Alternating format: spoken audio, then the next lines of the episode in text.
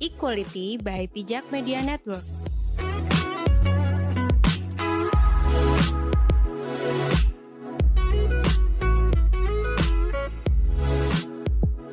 Halo everybody, kembali lagi bersama Dinda Safira di podcast Equality episode 14 ya kayaknya.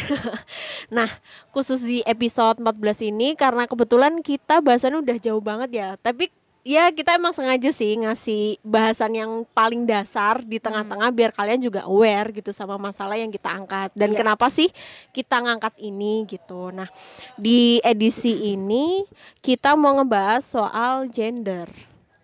Nah, sebagaimana yang kita tahu, uh, gender itu sering disalahpahami ya, karena uh, mungkin beberapa orang nganggapnya gender itu pasti jenis kelamin ya kan, padahal sebenarnya kalau aku baca di teori-teori hmm, feminisme mungkin karena yang sering dibahas soal gender itu dari feminisme ya, gender hmm. itu sendiri adalah konstruksi sosial. Hmm. Nah, terus uh, gender itu sebenarnya juga beda sih sama kodrat tapi untuk lebih jauhnya nanti kita akan berdiskusi sama partner saya. Mungkin kalian juga udah kenal sih. Iya udah dua kali nongkrong di podcast. Iya paling ya suara-suaranya mungkin kok kayak familiar ya gitu. Nah kita bisa langsung aja kali ya Ra, biar hmm. bahasan ini tidak melebar ke mana-mana. Karena juga uh, kita basicnya karena kita kebetulan juga belajar di sini di kuliah ya. Ah, Jadi kita benar. pengen nge-share apa yang kita pelajari buat teman-teman semuanya gitu. Nah, menurut kamu nih, Ra, gender tuh apa sih? Gender mm -mm. Uh, sejauh yang aku baca hampir sama sih kayak yang Mbak Flo bilang tadi, mm -mm. yaitu konstruksi sosial mm -mm. yang menempatkan uh, pribadi individu mm -mm. dalam perannya masing-masing gitu. Mm -mm. Jadi uh, gimana masyarakat menempatkan dia uh, untuk berperan di mana gitu loh. Mm -hmm. Kalau yang kita kenal sekarang kayak ya ya perempuan dikenal sama masyarakat mm -hmm. uh, zaman dulu harus di dapur kayak gitu-gitu. Mm -hmm. Sebenarnya pekerjaan dapur dan lain-lain itu adalah gendernya bukan bukan seks atau jenis kelaminnya. Iya, betul, uh, Nah, makanya kan tadi aku sempat bilang nih gender itu sering diasosiasikan sebagai jenis kelamin. Makanya mm -hmm, kalau misalnya dia tuh perempuan, pasti diasosiasikan bahwa kerjaanmu tuh di rumah, ya, ngurus anak, benar. melayani suami segala macam kayak gitu ya. ya Tapi padahal uh, tugas-tugas itu tadi tuh adalah konstruksi sosial. Uh, benar. Apa ya kebiasaan-kebiasaan, uh, pemahaman-pemahaman atau apalah yang berlaku di masyarakat itu berlaku untuk suatu jenis kelamin tertentu yeah. gitu. Nah, yang perlu teman-teman tahu juga nih, gender itu bukan hal yang mutlak ya. Mm-hmm. Gender itu bisa berubah. Makanya kan sekarang kalau teman-teman baca Nat Geo edisi gender ya aku lupa deh itu edisi keberapa, tapi di situ dijelasin bahwa gender itu tidak biner. Biner tuh maksudnya laki-laki dan perempuan uh-huh. aja. Itu ada banyak misalnya kayak hmm. um, apa sih? Kok aku jadi lupa? misalnya kayak apa sih? Indonesia punya loh Bugis. Iya Bugis. Itu, uh, apa itu namanya? Aku ada, lupa deh ada yang namanya calabai, uh, calalai uh, uh, gitu. gitu. Laki-laki yang laki-laki yang cenderung tampil sebagai perempuan, mm -hmm. perempuan yang cenderung tampil sebagai laki-laki gitu. Uh -uh. Atau di Thailand bahkan banyak lagi. Iya, uh, cuman yang di Nat Geo itu dia menjelaskan secara detail hmm. gender-gender itu apa aja mulai dari laki-laki, perempuan, ya nggak sekadar feminin maskulin lah. Hmm. Itu ada apa ya macem-macem lah misalnya kayak androgini nih. Hmm. Karena kan aku taunya androgini itu sebagai sebuah fashion style ya hmm. dulunya, tapi ternyata itu adalah konstruksi gender ternyata begitu. Nah, kalau menurut kamu gender sama kodrat itu bedanya apa sih? Karena orang-orang masih sering ini nih kayak ah. tidak bisa melepaskan pikiran bahwa gender itu sama dengan kodrat ya, gitu. Ya. Kamu perempuan kodratnya tuh ya di rumah lah. Ya, Apa urusannya uh. perempuan sama di rumah mm -mm, gitu kan. Mm Ah, kalau aku pernah kuliah soal ini uh, ada disebut kodrat itu nature.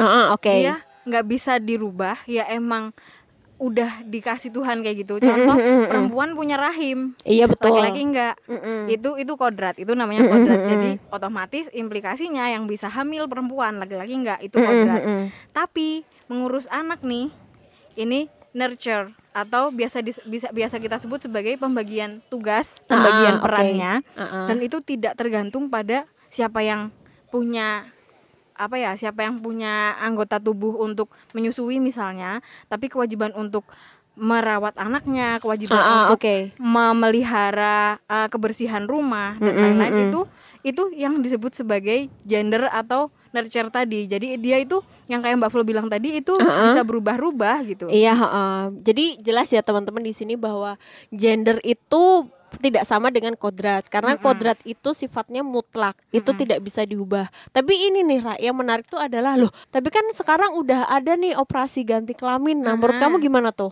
menurut aku dosa enggak jangan-jangan nanti kamu dikatain sobat pip gitu lagi enggak enggak ya ya urusan dosa bukan aku yang panitia ya Iya, jadi benar, benar. nantilah itu Heeh. ah ya ya tadi kalau misalnya dia itu ganti kelamin karena memang dia merasa uh, orientasi dia ada dia pengen dianggap sebagai maskulin atau dianggap dia pengen dianggap sebagai feminin Mm-mm. ya gendernya harusnya itu gitu loh iya tapi betul kalau dia ganti kelamin tak ganti misalnya laki-laki ganti kelamin jadi perempuan tapi dia tetap Uh-uh. ingin dikonstruksikan sebagai laki-laki ya udah jadi laki-laki tapi Mm-mm. sebenarnya mau sepertinya mewujudkan hal itu tuh susah gitu ya mbak Ah, ah, ah, ah, apa jangankan jangankan soal gendernya soal operasi kelaminnya aja nih Mm-mm. itu udah waduh udah dibully sana sini Iya betul. Tapi ini sih ya yang perlu ditekanin lagi adalah gender itu konstruksi sosial. Jadi dia tuh bisa berubah-ubah, dia tuh bisa apa ya? Kalau memang dia nyamannya, misalnya dia terlahir sebagai Mm-mm. perempuan, Heeh. Tapi- secara biologis secara biologis ya. Mm-mm. Biologis itu berarti dia memiliki rahim. Mm-mm. Tapi kalau dia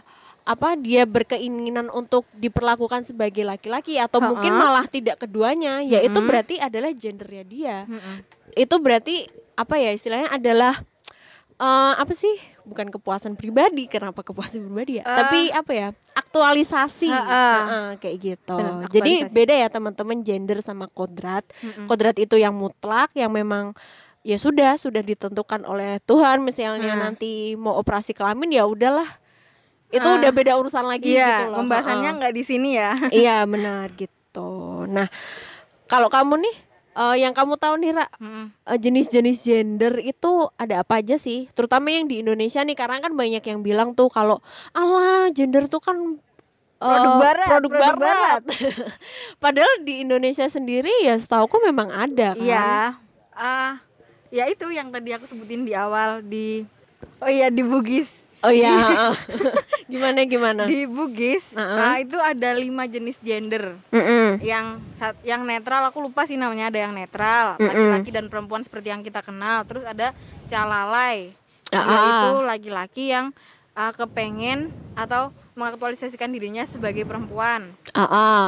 Atau calabai dia Mm-mm. dia perempuan yang Mm-mm. mengaktualisasikan dirinya sebagai laki-laki kayak Iya gitu. Dan- betul. dan, itu dihormati di sana gitu loh nggak, Mm-mm. nggak yang kata orang-orang tidak sesuai dengan budaya Indonesia itu budaya yang mana ya Iya itu gitu. ada loh btw. Heeh, di di Thailand lebih banyak lagi ada ya minimal 18 lah ada yang bilang 24 juga Mm-mm. ada ya itu ada yang yang terkenal banget di kita lady boy Iya. ya, itu sering benar-benar. dibully tuh lady Mm-mm. boy laki-laki yang pengen ya perempuan perempuan yang pengen Mm-mm. ini di, dianggap sebagai laki-laki disebut lady boy dan masih banyak lagi Iya gitu. Terus kalau nggak salah aku pernah baca di Vice apa ya yang tentang kesenian waro itu loh. Heeh, heeh. Itu kan juga termasuk kan Heeh. gender kayak gitu. Teman-teman mungkin bisa langsung baca aja daripada Iya. aku jelasin di sini kepanjangan gitu. Heeh. Biar kalian baca sendiri aja. Nah, dari tadi kan kita udah ngebahas soal gender ya. Heeh. Tapi kenapa sih tiba-tiba muncul bahasan tentang gender? Awalnya tuh gimana sih? Kalau yang kamu tahu gimana tuh, Ra?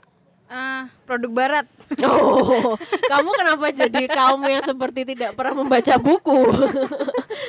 aduh ya ya bener dong mbak itu produk barat dari Eropa asalnya Iya memang bener sih, karena feminisme itu kan juga diperkenalkan di Iya, Eropa, di, di Prancis di. Inggris ya kan Heeh. bukan produk timur tengah Mungkin kita udah kenal ya, tapi nyebutnya bukan feminisme atau gender iya, ya. heeh. jadi ya pembahasan gender aku taunya emang ada di feminisme aku nggak tahu kalau ada subjek lain mungkin Ah, ah. mungkin itu nanti di soal framing media atau apa yang Mm-mm. mata kuliah lain tapi Uh-uh. setahuku secara umum pembahasan soal gender itu adanya di feminisme feminisme sendiri itu Iya. sering dikonotasikan sebagai gerakan perempuan membenci laki-laki gitu Nah, kan. ah, padahal nggak gitu ya. padahal nggak gitu padahal nggak gitu Mm-mm. Ya feminisme emang kenapa diambil namanya feminis karena Mm-mm. waktu itu yang yang tersubordinasi ya walaupun Mm-mm. sampai sekarang sih perempuan perempuan dan gerakan itu adalah gerakan atau uh, gagasan seorang filsuf untuk Mm-mm. menyebut uh, kondisi ideal di mana laki-laki dan perempuan punya kesempatan mengaktualisasikan diri secara setara kayak gitu. Iya, betul. Bukan gerakan perempuan membenci laki-laki, bukan. Iya betul. Nah tapi memang awalnya feminisme itu lahir kalau dari sejarah ya itu kan yang pertama kali ini bukannya mengkotak-kotakan ya tapi supaya lebih gampang aja sih memahami. Nah feminisme itu sebenarnya lahir ya karena revolusi Prancis sih Ha-ha. awalnya. Nah itu kan karena revolusi Prancis ya itu kan mau menggulingkan kekuasaannya Louis XVI ya sama Marie Antoinette itu. Nah, muncullah kaum-kaum borjuis, kaum-kaum menengah yang Oh. yang seharusnya ya memang dia tuh berpendidikan, dia lebih punya privilege gitu loh. Dia yang lebih melek, oh ini ada yang nggak bener nih dari monarki nih, makanya dia menggulingkan itu. Hmm. Nah, meskipun ketika setelah monarki itu jadinya republik yang dipimpin oleh Napoleon Bonaparte, nah itu eh, eh, meskipun ya aku tidak menyetujui juga sih karena dia mendeklarasi diri sebagai kekaisaran kan Ah, pada akhirnya, tapi eh, ketika revolusi eh, setelah revolusi itu kan mulai muncul banyak diskusi, Hmm. banyak perkumpulan yang tadinya tuh nggak boleh, sekarang kan jadi apa jadi ada gitu. Nah, itu kan muncul banyak bahasan-bahasan nah kayak gitu. Nah, terus setelah itu kan mulai muncul apa sih? bahasan tentang ini loh. Bukunya siapa itu? Mary Wollstonecraft Ah, itu Mary itu gimana tuh, Ra? Ya, dia di situ bilang kalau yang ide gagasan dalam buku itu tuh Mm-mm. aku nggak bisa bacanya itu gimana baca judul bukunya ya Ya udah sepemahamanmu Ya, aja deh. itu cari deh bukunya itu Heeh. dia itu nulis di situ revolusi Prancis harusnya jadi momen untuk para perempuan khususnya dan orang-orang yang tadinya tidak bisa bersuara jadi bisa bersuara gitu loh Ah, ah, betul. Ah, tapi di situ dia belum menyebut gagasannya sebagai gagasan feminisme Feminis, ah, bener. karena ah, baru disebut feminis itu tahun 1800 sekian 1848. Ah, 48 Ah, ah. yang itu 100 tahun lebih kan ya Mbak dari Mary itu dari dari buku yang diterbitin sama Mary Mm-mm. Ah, ah, itu tuh eh, baru di situ ada yang ada Char- Charles Fourier kalau nggak salah dia namanya. Iya, Dia ha. bilang kalau di situ eh, feminisme adalah gerakan atau gagasan ideal yang Ah, ah. yang dia harapkan nantinya akan terwujud bila laki-laki dan perempuan punya eh, kesempatan yang sama untuk mengaktualisasikan diri. Nah, baru Ah, ah, di situ betul. ada feminisme kayak gitu. Iya betul. Nah ini yang fakta menarik lagi adalah kata feminisme ini ternyata eh, lebih masif digunakan ya. Mm-mm. Itu malah di Amerika Serikat. Oh gitu. Iya, Aku baru heeh. tahu. Iya, heeh. ini kebetulan aku udah baca bukunya Mbak Nadia Karimah Melati ya yang soal Ah. feminisme itu. Mak- Di situ lengkap banget.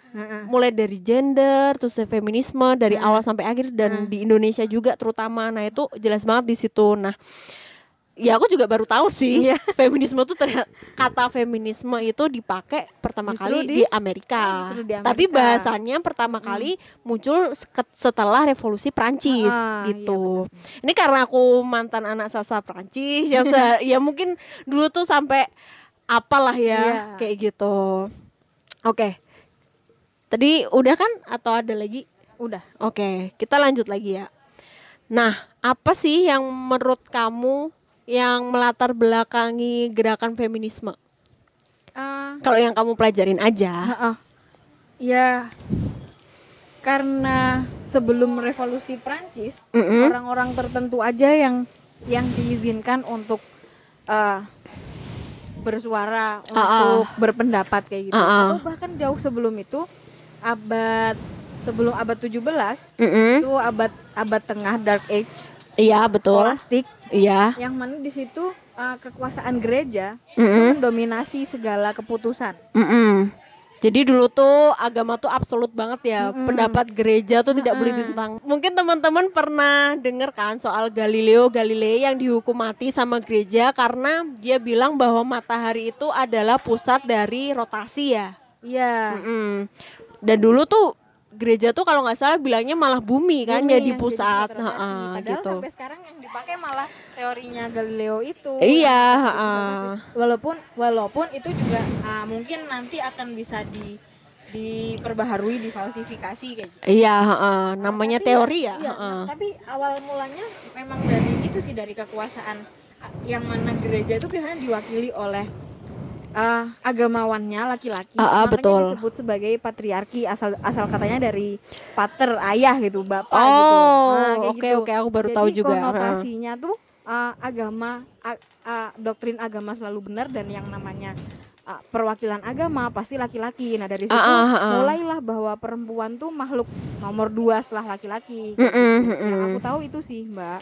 Oke, nah tadi kan kita udah bahas soal feminisme awal-awal nih yang mungkin Hmm. bisa kita bilang sebagai feminisme liberal. Ah, Tapi yang namanya teori itu kan dia selalu berkembang tuh, pasti Ah. akan selalu ada kritik, ada masukan segala macam. Nah, muncul lagi teori baru yaitu feminisme sosialis atau marxis. Mm-mm. Nah, tadi kan ada kebebasan tuh setelah revolusi Prancis. Terus kan kalian juga pernah dengar kan revolusi industri di Inggris. Itu kan pabrik-pabrik mulai banyak. Nah, Ah. karena adanya pabrik itu kan mulai muncul tenaga kerja, Iya. terutama tenaga kerja perempuan. Nah, Ah. pada masa itu perempuan tuh masih dianggap sebagai bukan orang yang bekerja, tapi Oh. warga kelas 2 tetepan Hmm. gitu. Jadi meskipun perempuan bekerja tapi upahnya itu lebih minim, bahkan Ah. mungkin bisa jadi nggak diupah Iya, ya. karena dianggap dia tidak punya tanggung jawab kepada Ah, ah. keluarganya. Betul, hanya mungkin pekerjaan sampingan ya Iya. gitu.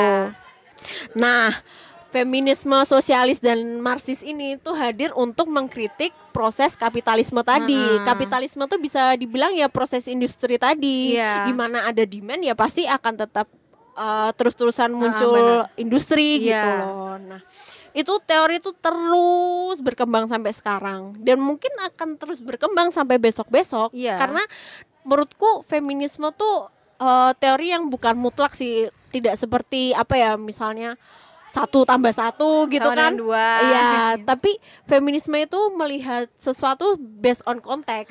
Jadi kenapa aku seneng dan concern sama isu ini karena itu membuat aku lebih bijak untuk menilai sesuatu Iya. karena dia based on konteks. Ha-ha. Konteksnya apa?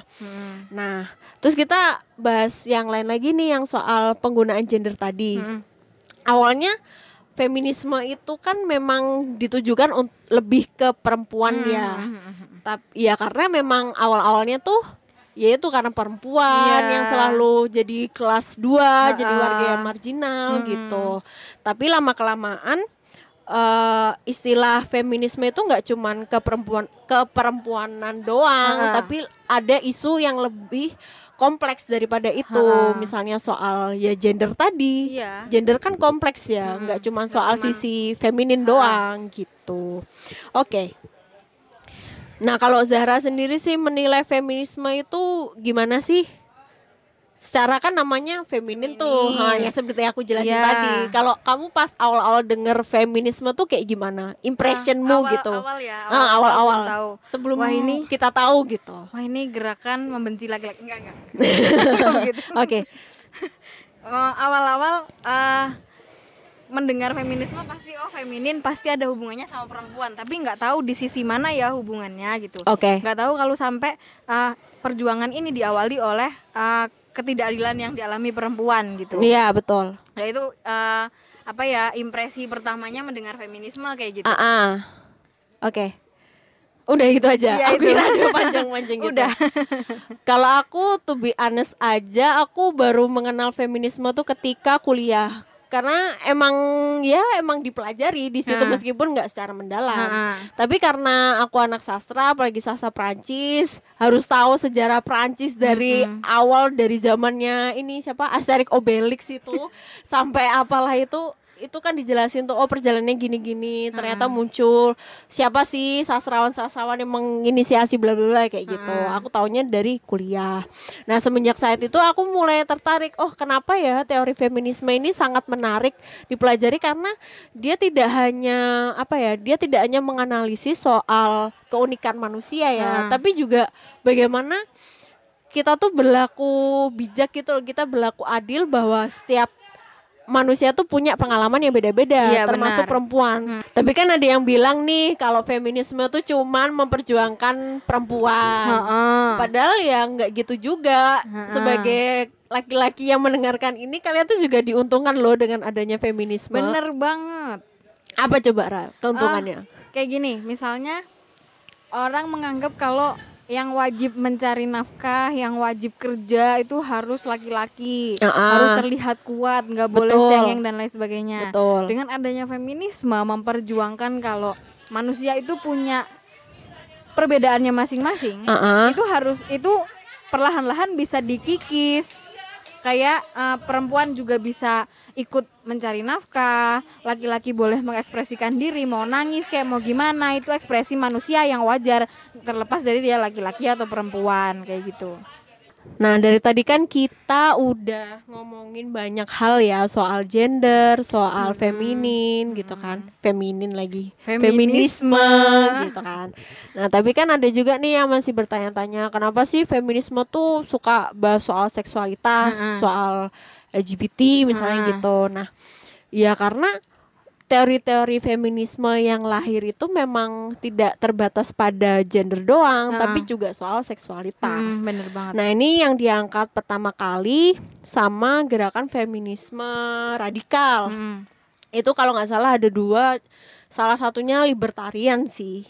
Yang ini yang dianut sama Kania. iya Nah yang feminisme radikal ini dia tuh lebih apa ya?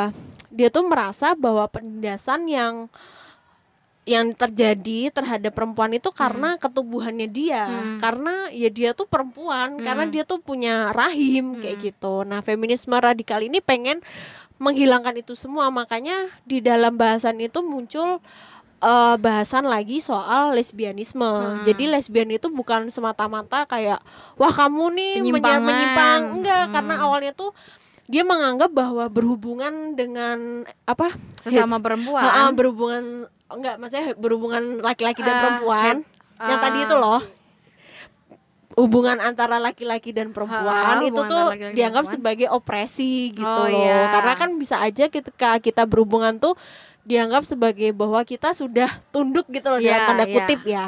Tadi kan kita juga sempat bahas tuh Ra, soal apa eksistensialis. Nah, ini ini juga dibahas di sini. Di teori-teori yang Ha-ha. seperti ini gitu. Karena kan teori feminisme tuh banyak banget ya. Kita nggak mungkin bahas satu demi satu. Mending kalian baca buku aja. Itu banyak banget sih buku-buku yang mengajarkan soal feminisme Mm-mm. gitu. Nah, ada lagi nggak Ra soal bahasan-bahasan tentang ini? Ah, cuman mau nyampein satu sih mbak. Oh ya boleh. Jadi karena teori feminisme nih ada banyak banget. Ah, ah. Kalaupun mau jadi mau mengcounter atau mau jadi kontra terhadap feminisme, jelasin lah minimal feminisme yang mana gitu. Iya Jadi- betul. Jadi kita tuh tahu sebenarnya yang kalian tidak setuju dari feminisme itu apa. Ah, Nggak ah. tiba-tiba udahlah pokoknya feminisme sesat nggak sesuai ajaran agama sedangkan Heeh. ah, agama maksudnya ajaran agama pun memandang bahwa kita tuh harus berkeadilan gitu loh sedangkan Mm-mm, mm-mm. core dari ke- dari gerakan feminisme juga itu jadi sebenarnya yang kalian tentang tuh feminisme yang mana Iya, ya kayak gitu betul. pelajarin Ha-ha. dulu lah kira-kira tuh feminisme yang seperti apa atau Mm-mm. ah, keinginan keinginan keinginan seperti apa yang kalian ingin ah, hapus dari gerakan Mm-mm. feminisme kayak gitu Iya, jadi kita bisa betul. diskusi ya kan mm-mm. Karena toh memang di antara para feminis tokoh-tokoh feminis ini Mm-mm. mereka juga sering berseberangan kok karena ya alirannya aja banyak-banyak. Iya, lahirnya dari latar belakang yang beda-beda Heeh, heeh. makanya kan tadi aku bilang bahwa feminisme itu kita tidak bisa menilai secara mutlak Heeh. karena dia itu based on konteks. Mm-mm. Dan kita tuh juga tidak bisa menilai bahwa misalnya eh, pengalaman perempuan di Indonesia sama Mm. di Amerika tuh beda, di Ha-ha. Eropa beda. Jadi kita tidak bisa menyamakan pengalaman setiap perempuan terutama bener ya banget. gitu karena kan namanya pengalaman orang kan beda-beda Iya, satu orang dengan orang lain aja bisa beda, Uh-uh. apalagi beda bangsa kayak Uh-uh, gitu. apalagi beda bangsa, be- beda ras. Nah, makanya Uh-uh. teori feminisme ini tidak bisa kal tidak bisa apa ya dinilai maksudnya di apa ya dituduh bahwa ah feminisme tuh melanggar agama segala Iya, macam. Nah, benar. itu tuh yang mana gitu.